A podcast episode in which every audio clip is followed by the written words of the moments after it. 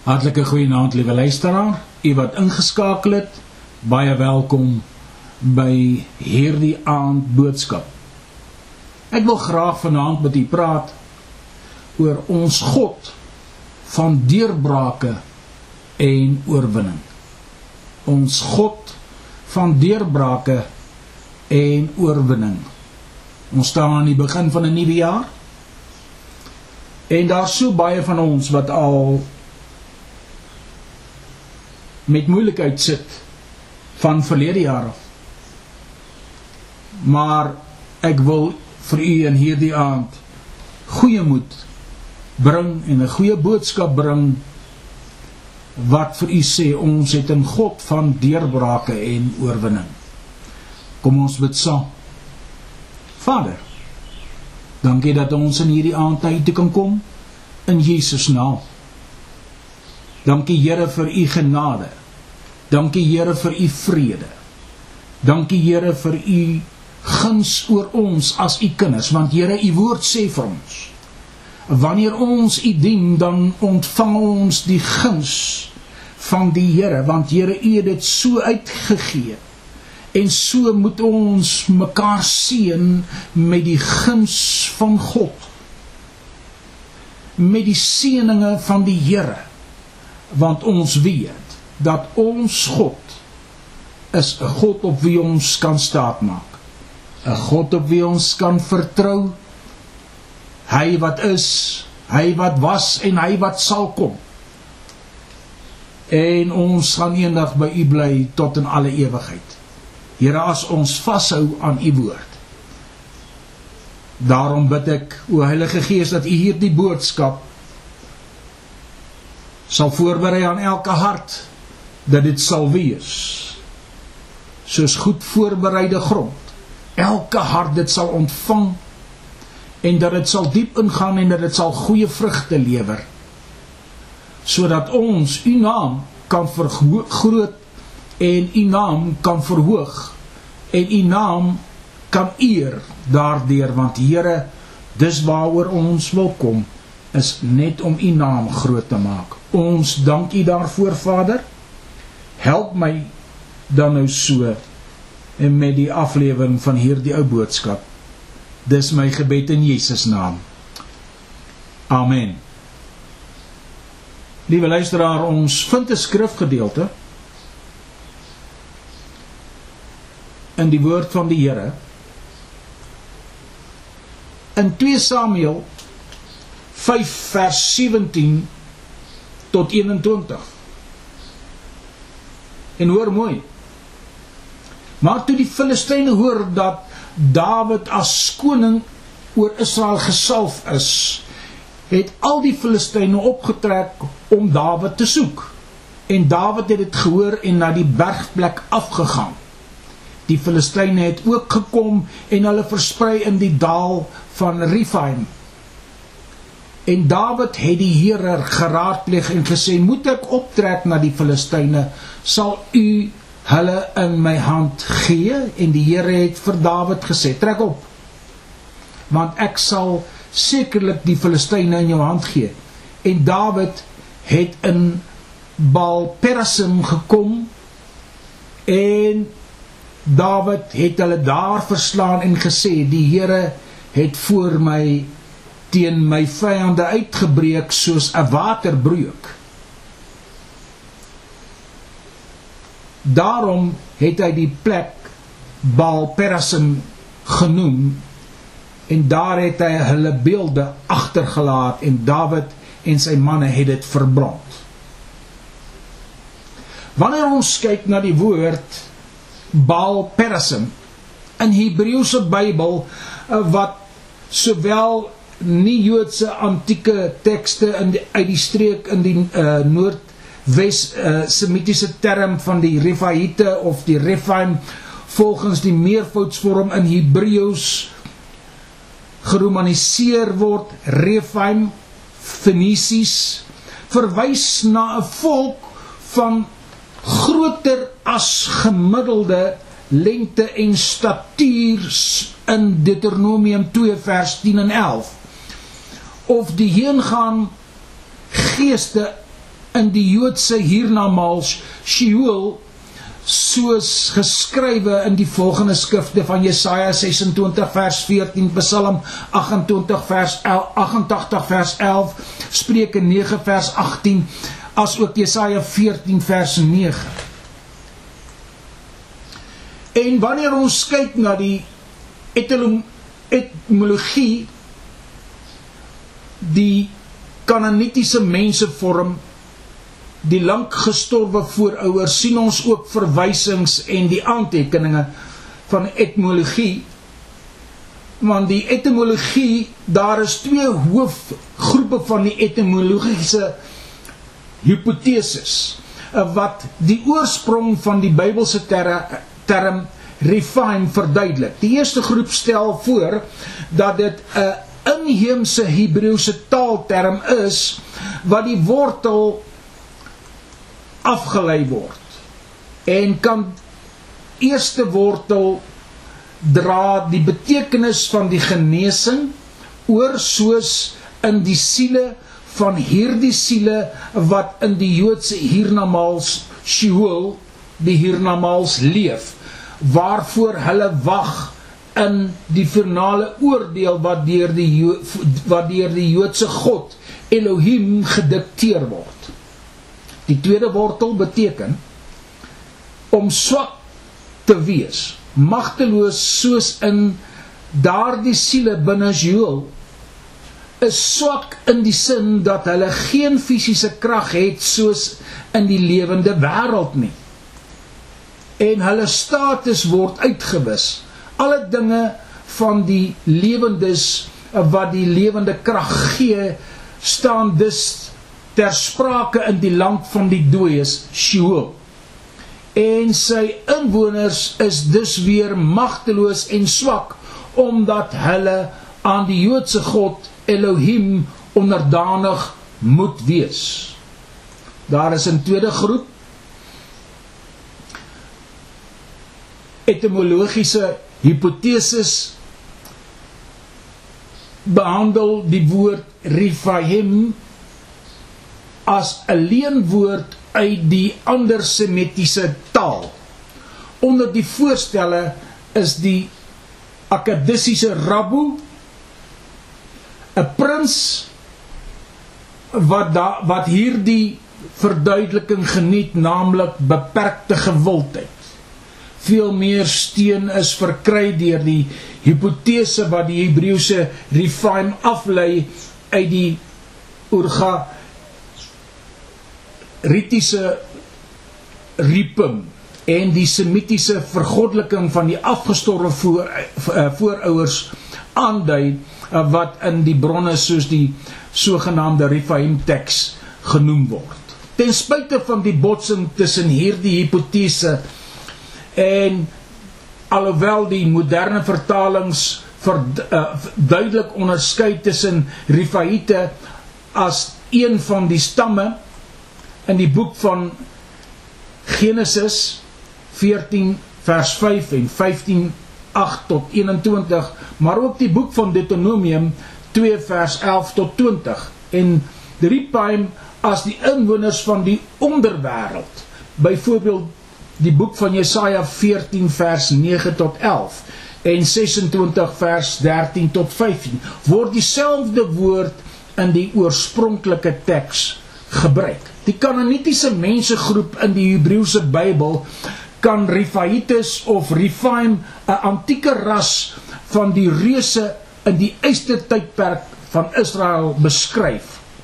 Op die plekke waar gedink is dat hierdie individue gewoon het volgens Genesis uh, 14 vers 5 het die koning Kedorlaomer en sy bondgenote die Rephaïte by Asterot en Karnaim aangeval en verslaan. Rifaite word ook in Genesis 15 vers 20 genoem. Deuteronomium 2 vers 10 tot 21. Deuteronomium 3 vers 11. Die boek van Joshua 12 vers 4 en 13 vers 12 en 15 vers 8 en 17 vers 15 en 18 vers 16. Die Samuel boeke 2 Samuel 5 vers 18 tot 22 2 Samuel 23 vers 13 en die kronieke boeke 1 Kronieke 1 11 vers 15 1 Kronieke 14 vers 9 en 20 vers 4 in die Bybelse narratief is die Israeliete opdrag gegee om die vorige inwoners van die beloofde land dit wil sê Kanaan wat verskeie volke insluit insluitend 'n paar buitengewoon lang groot individue uit te roei. Verskeie gedeeltes in die boek Josua en ook Deuteronomium 3 vers 11 suggereer dat Og, die koning van Basan, een van die laaste oorblywendes van die Rephaim was en dat sy bed 9L lank was 'n gewone L is die lengte van 'n man se voorarm volgens die nuwe American Standard Bible en dit is ongeveer 18 cm. Nou, u kan maar die verskil is 460 mm uh van 'n koninklike L. Dit maak die bed meer as 13 voet, 3,96 meter lank selfs langer as die L op 'n reus se voorarm gebaseer was. Enak volgens uh 2 vers 11 was 'n Rifaid die gebied van Moab by Ar die streek oos van die Jordaan voor die tyd van Moses is ook as die land van die Rifaite beskou Deuteronomium 2 vers 18 tot 21 merk op dat die Ammoniete die Rifaite Zamzumum genoem het. In Deuteronomium 2 vers 11 het die Moab, Moab, uh, Moabite na hulle verwys as die Imim. Lang gestorwe voorouers Rephaim is ook beskou as die inwoners van die onderwêreld Sheol in die Hebreëse Bybel in die meer onlangse wetenskap. Moontlike voorbeelde van hierdie gebruik verskyn as skakeringsgeeste of dood in verskeie vertalings van die Bybel. En daar's 'n hele klomp tekste wat ek vir u kan noem, maar dit gaan ons tyd 'n bietjie uh opneem. Verskeie antieke noordwessiese semitiese tekste is ook propvol verwysings na terme wat klaarblyklik verband hou met Rephaim as die dooies of dooie konings. Loos dit is nou 'n vertaler onderneem 'n gedetailleerde studie van verskeie igmatiese begrafnisrituele tekste uh, van die antieke kusstad Argarit. Loos kom ook tot die gevolgtrekking dat die Urgaritic uh, funerary tekst belangrike bewyse be verskaf om Ugarit se kultus van die dooies te verstaan waarin wesens soos die Rephaim, die lankgestorwe en die Malakuma onlangs gestorwe konings in die beg uh, begrafnis opgeroep is. Liturgie aangebied met spysoffers en gevra om seëninge te voorsien vir die heerskappy van die heilige koning het die het baie verwysings na Rephaim in die Hebreëse Bybel in die konteks wat Sheol en dooie geeste betrek. Dui daarop sterk dat baie eertydse Israeliete die geeste van die dooies voorgestel het as aktiewe en belangrike rol in die verkryging van seëninge en genesing of ander voordele in die lewens van die lewendes. In 2021 is 'n nuwe teorie oor die identiteit van Rephaim gepubliseer deur Yogef. J. Yogef wat daarop dui dat die Rephaim stelmatig stelselmatig uit die Bybelse tekste uitgeroei is as ag agenda om hulle geheue volgens monoteistiese geloofstelsel in die Bybelse tye uit te skakel. Die verband tussen Titan en die poltergeists uh, kan baie goed aan, aangevoer word uit die werkwoordstam Rafa. wat beteken om te sink of te ontspan. Nou ja, die lewe van Dawid. Ons vind in ons teks die punt wat Dawid uiteindelik gaan geniet. Hy wag nou al 15 jaar vir hierdie dag. Hy gaan uiteindelik die troon neem en as God se regmatige erfgenaam regeer. Die paadjies waardeur hy moes loop was moeilik.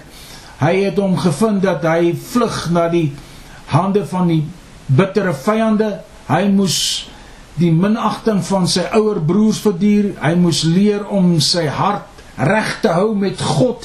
Dit was deur lang en pynlike dissipline dat Dawid sy salwing moes bewaar. Nommer 1, die eerste salwing, die jong seun van enige die jongste seun van die enige gesin dra gewoonlik twee onderskeidings. Hy word as beide bederf en oningelig beskou. Gewoonlik word baie min van hom verwag. Daarom vertoon hy in mindere kenmerke van leierskap as die ander kinders. Hy lei nooit, hy volg maar net. Maar dit alles sou in Dawid se lewe verander word inder sodra hy inderhaas na die uh, weiveld van die weiveld af ingeroep is terwyl hy na sy pa se skape gekyk het. 'n Ou wysgeer wat deur die stede en die burge van Israel rondgedwaal het, het nou na Bethlehem gekom vir God se saak. Samuel het reeds 7 Isaïe se seuns hersien en onderhoude gevoer, nie een keer nie, maar twee keer. Nou Dawid is ingeroep om die rekening te vul. Hy kyk met nuuskierigheid na die ou profeet. Niks oor sy voorkoms sou aandag trek nie behalwe die oë. Dit het gelyk of die oë van Samuel brand soos warm kole wat uit 'n ster 'n sterwende vuur geneem is. Uit die oë van die van hierdie ou profeet het 'n passie gespuit wat vir Dawid onthussend was. Onthussend was, kies. Hy het nog nooit een van Jehovah se profete ontmoet nie. Hy het nog nooit gevoel hoe die honger uit iemand se siel kom soos Samuel se nie. Samuel beveel die jong tiener om op die vloer te kniel. Steek sy hand in sy mantel en verwyder 'n horingolie. Daar daardie horing is voorsien op grond van 'n offer van een of ander dier wat lankal dood is. Die dier se bloed is in die verre verlede op een of ander altaar uitgestort. Uit die offer van hierdie olie van sa het, het salwing gekom. Mens moet altyd onthou dat ware en werklike salwing nooit sonder een of ander vorm van opoffering kom nie. Dit is 'n Bybelse patroon wat ons vind wat van begin met Abel se offer en eindig met die een in die openbaring waar die geroepe die van die heiliges wat onder die altaar afkom. As jy nog nie bereid is om op te offer nie, dan is jy nie regtig bereid om gesalf te word nie. Nou buig die jong man op sy knie.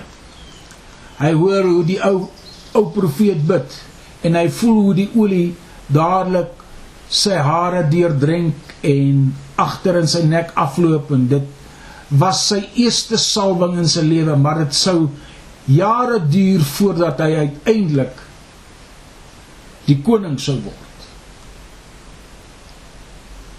Daardie eerste salwings wat in ons lewe voorkom is deurslaggewend die besluite wat ons neem, die paaie wat ons loop, die die lesse wat ons met daardie eerste salwings leer, hou soveel omvang daardie eerste paar gebede wat ons bid, daardie eerste paar oomblikke van ware aanbidding, daardie eerste kere wat ons by geestelike oorlogsvoering betrokke raak, sal ons vir ons betekenisvol wees.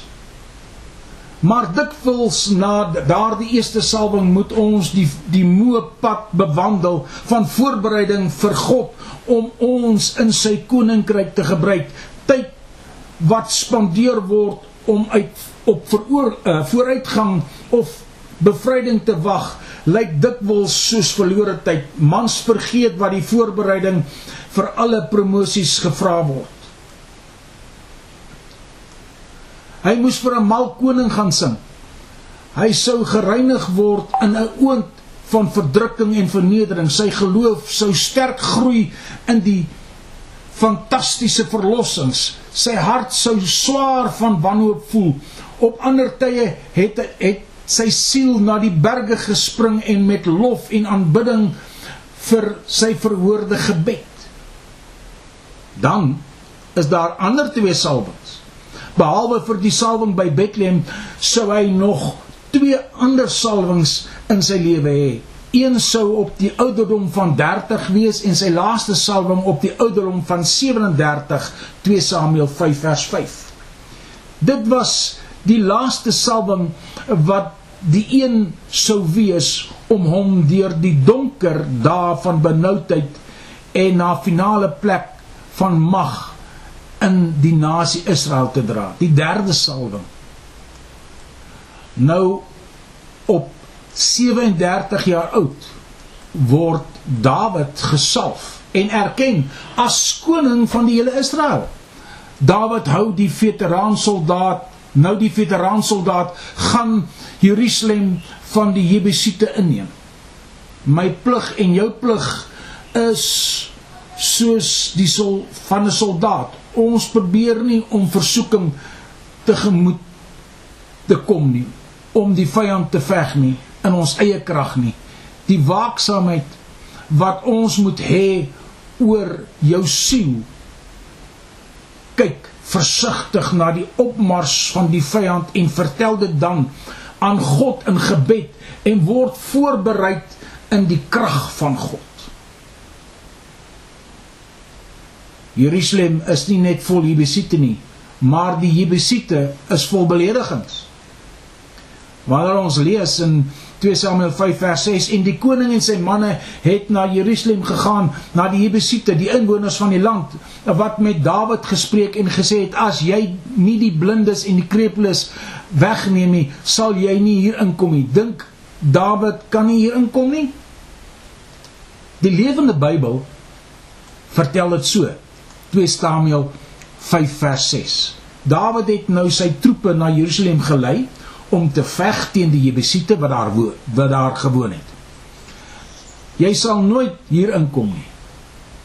Het hulle vir hom gesê. Selfs blindes en krepeles kon jou uithou, want hulle het gedink hulle is veilig.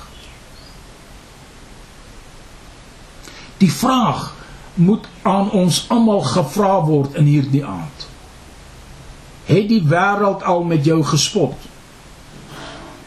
Het die wêreld uitdagend teen die manier waarop jy leef uitgevaar? Het die wêreld gesê dat die mense nie God in die moderne tye kan dien nie? Het die duiwel nie in jou oor al gefluister om op te gee nie en op te hou nie? Vers 7 vertel ons dat Dawid steeds ingegaan het en die stad ingeneem het. Die antwoord wat Dawid suksesvol gemaak het word in vers 10 gevind. 2 Samuel 5 vers 10 en Dawid het verder gegaan en groot geword en die Here die God van die leerskare was met hom Daardie woorde is kort, maar die betekenis is onbeperk. Dawid was 'n aanhoudende man. Hy het aangegaan en aangegaan. Dit is die man wat onwrikbaar voortgaan, wat die stad binne gaan en vir homself 'n ruimte opruim. Groot manne word gedefinieer deur bewandel die paaie van geregtigheid die krag van hulle gebede. Toewyding om ander te dien. Struikelblokke word slegs trapklippe. Kry krag uit oënskynlike terugslag. Soek God eerste as posisie daar is iets omtrent 'n man wat net aangaan. Hy gaan aan ten spyte van sy omstandighede. Hy gaan aan ten spyte van sy beproewings. Hy gaan aan alhoewel hy in die minderheid is. Ons werklike sekuriteit is nie in die bes, in in die besit van wat ons he, kan sien nie maar in ons verhouding tot wat ons nie kan sien nie. Kom ek herhaal dit vir jou weer ons werklike sekuriteit is nie in die besit van wat ons kan sien nie maar is in die verhouding tot wat ons nie kan sien nie. Sodra mans gemaklik raak met wat hulle het is hulle nie meer dromers nie. Jy nie al agtergekom nie. Hulle is nie meer visionêre nie. Hulle vorder nie meer nie. Maar neem eerder af as jy nie vorentoe beweeg nie, beweeg jy agteruit. Maar dit is na die inname van Jerusalem dat die Filistyne besluit het dat hulle kom om Dawid te vang. Let op die Filistyne dat hulle weer opstaan na die salwing. Goliat, 'n Filistyn, het na die eerste salwing gekom. Nou het die derde salwing die Filistyne weer agter hom aan laat kom. O die vyande van die koninkryk en jou van jou siel word nie gefaal deur eh, vorige oorwinnings nie. Hulle sal aanhou volhard selfs in die lig van voortgesette voortgesette nederlaag. Die nederlaag van die Jebusiete het die Filistyne nie gekeer om na Dawid te soek nie. Net om die oorwinning dalk gister omdat die oorwinning gister dalk teenwoordig was, beteken nie dat dit vandag verseker is nie. Te dikwels wil ons salwing hê, maar geen stryd nie. Ons wil die stryd sommer sonder 'n salwing hê maar ons moet verstaan dat beide van hulle moet saamkom en saamwerk. Toe die Filistyne aangekom, Dawid het die aanwysings van God gekry en die Bybel verklaar dit. 2 Samuel 5 vers 20 en Dawid het in Baal-Persim gekom. En Dawid het hulle daar verslaan en gesê: "Die Here het voor my teen my vyande uitgebreek soos 'n waterbreuk. U wat nog nooit water gelei het in 'n in 'n voor nie. U sien daar moet 'n breuk gemaak word sodat die water weggelei word. Daarom het hy die plek Baal Perissim genoem. Die Here is die Here van die deurbraak. Hy is die meester van die breuk. Hy het die stryd in sy hand. Hy is die sterk toring wat jy kort kom. Hy is die verdediging wat jy nodig het. Hy is die skild wat jy in jou hand moet hou. Hy is die toevlug in tye van nood. Sagaria 14 vers 7 en 8 sê die volgende: Maar dit sal eendag wees wat aan die Here bekend sal wees nie dag of nag nie maar dit sal gebeur dat dit in die aand lig sal wees en in die dag sal lewende water uitgaan.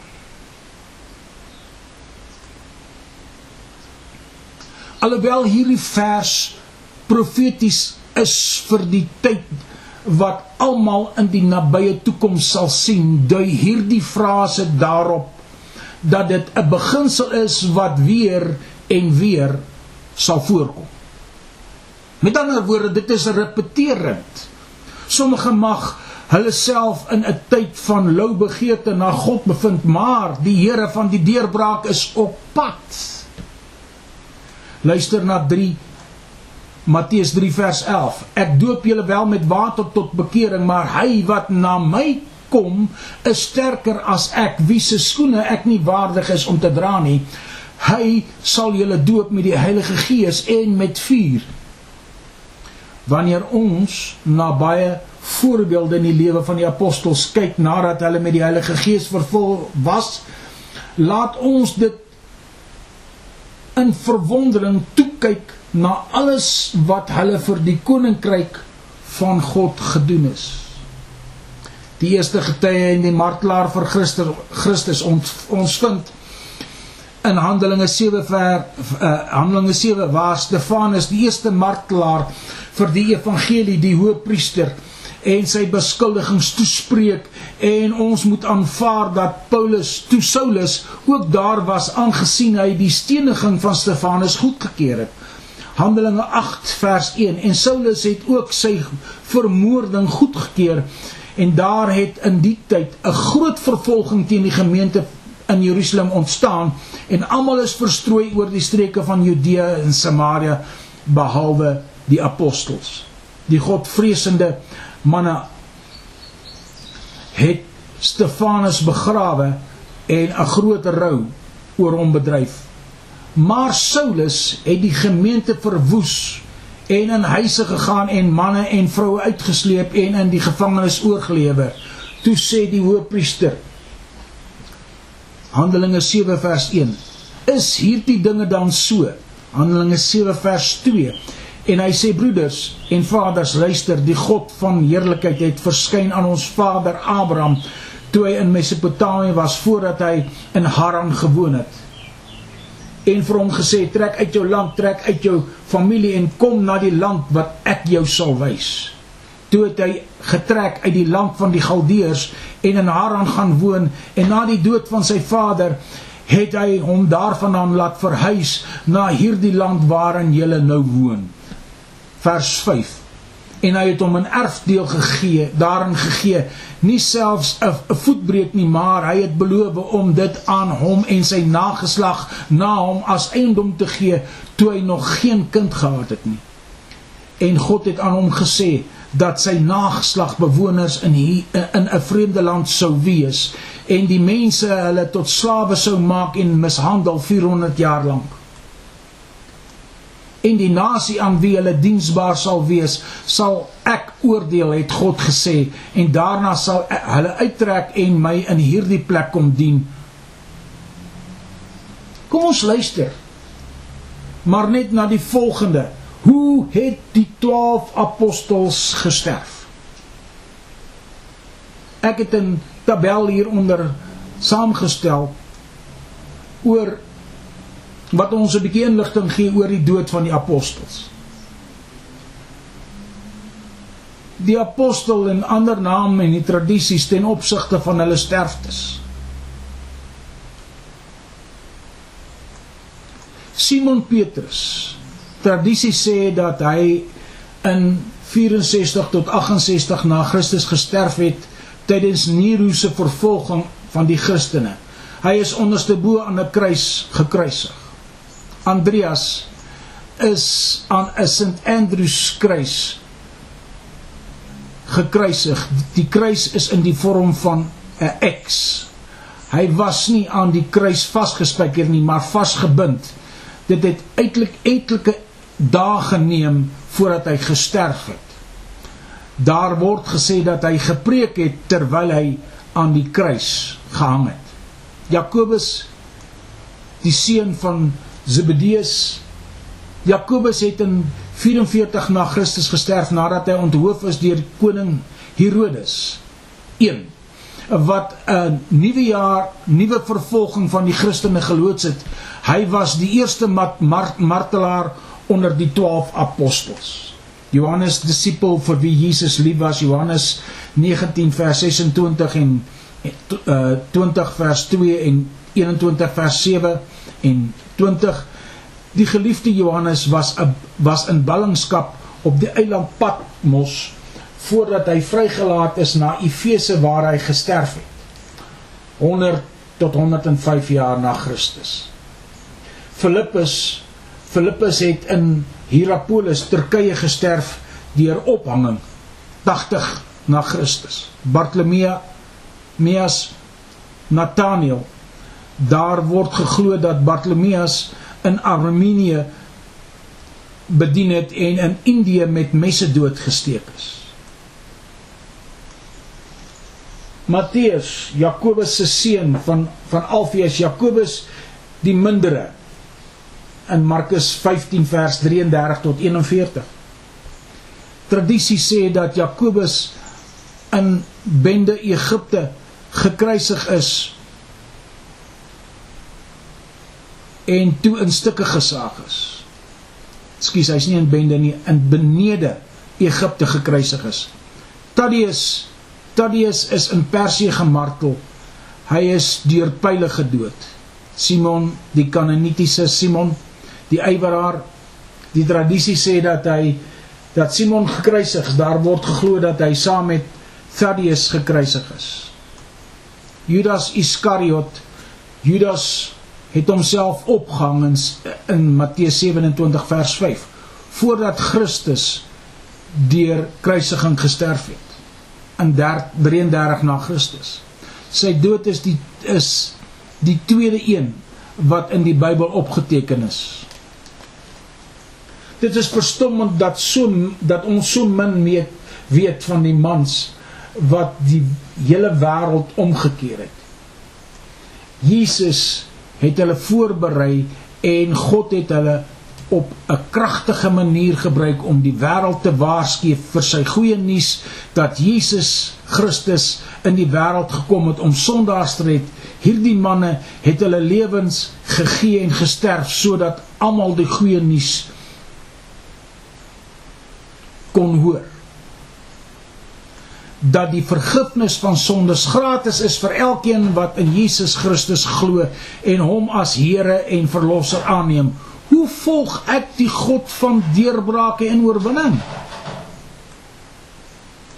Kom ek sê vir u Lukas 9 vers 23 en hy sê vir almal As iemand agter my wil aankom, moet hy homself verloon en sy kruis elke dag opneem en my volg. Want elkeen wat sy lewe wil red, sal dit verloor, maar elkeen wat sy lewe om my ontwil verloor, hy sal dit red. Wat baat dit 'n mens tog as hy die hele wêreld win maar homself verloor of skade aandoen? Want elkeen wat hom skaam vir my en my woorde vir hom sal die seun van die mens hom skaam wanneer hy kom in die heerlikheid en die van die Vader en van die heilige engele. Ek het 'n vraag aan u in hierdie aand.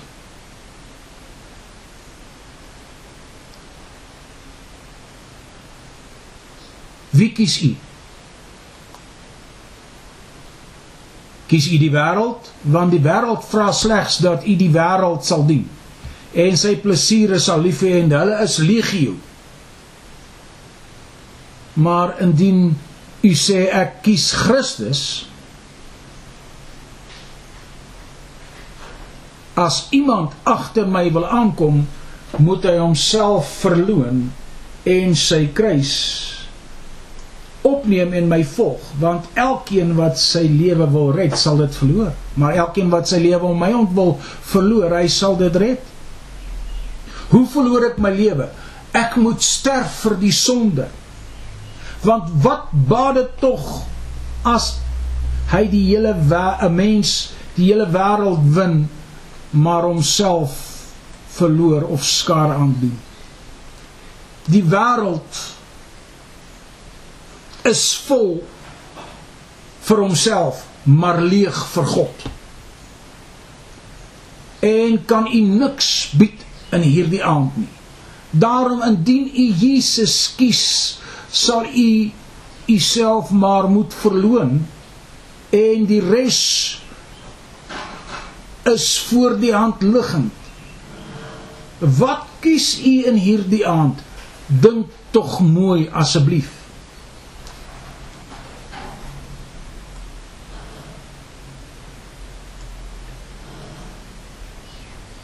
Daar bestaan nie 'n 11de uur bekering nie. En wanneer ek praat van 'n 11de uur bekering, dan wil ek dit voorstel en dis waarvan af dit verkry is deur die rower wat aan Jesus se regter linkerhand regterhand gekruisig was. Wat gesê het Here dink aan my. Hoor mooi. Here dink aan my. En dit is 'n belydenis. Here dink aan my wanneer u vandag in u Vader se huis kom. Wanneer u by u Vader aankom maar u sien wanneer u nie die Here dien nie en u kom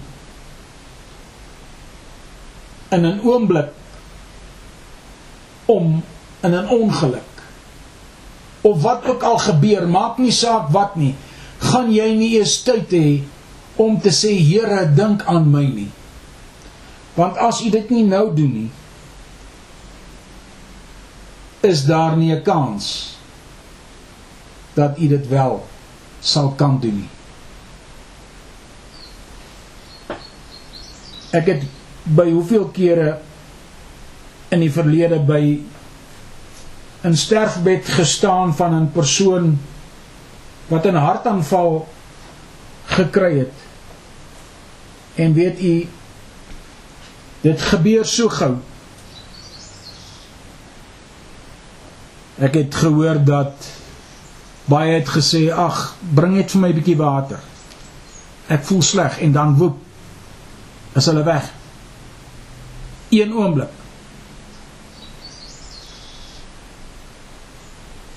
Wil jy daai kans vat? In hierdie aand? Of wil jy eerder die Here dien? Want dit is lekker om die Here te dien. Dis nie swaar nie. Dis nie moeilik nie. Al wat jy moet doen is jy moet die woord van die Here bestudeer. Jy moet die Here lief hê met jou hele hart, met jou hele siel, met jou hele verstand dan sal jy dit 'n plesier vind om God te dien.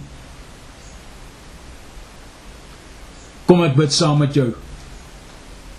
As jy die Here wil aanneem in hierdie aand, ek gaan bid en jy kan saam met my bid wanneer die tyd daar is. Vader, ek kom in hierdie aand. En Here, ek bid vir hulle wat nou sê, Here, ek wil U aanneem as my persoonlike saligmaker en Here. Here baie dankie dat ek vir hulle kan bid. Here, my gebed saam met hulle is Here dat U hulle sal vergewe vir al hulle verkeerd en Here dat U hulle sal was in U kosbare bloed en Here dat hulle U sal aanneem as hulle persoonlike saligmaker en Here in hierdie aand. Here wil U met hulle wees, wil U hulle deurdra wil u hulle vashou in die holte van u hand. En Here daarom bid ek vir hulle dat u hulle sal deurdra en dat u hulle sal help in die tye wat kom sodat hulle daardie versekering het dat hulle is kinders van u. En Here dat hulle hulle sal laat doop. En Here dat u hulle sal die belofte gee van die Heilige Gees. Ek dank U daarvoor Vader dat ek dit vir hulle kan bid. En Vader, daar is hulle wat dalk sê Here, ek het afgedwaal. Wil U hulle ook nie maar vergewe as hulle kom na U en sê Here, vergewe my.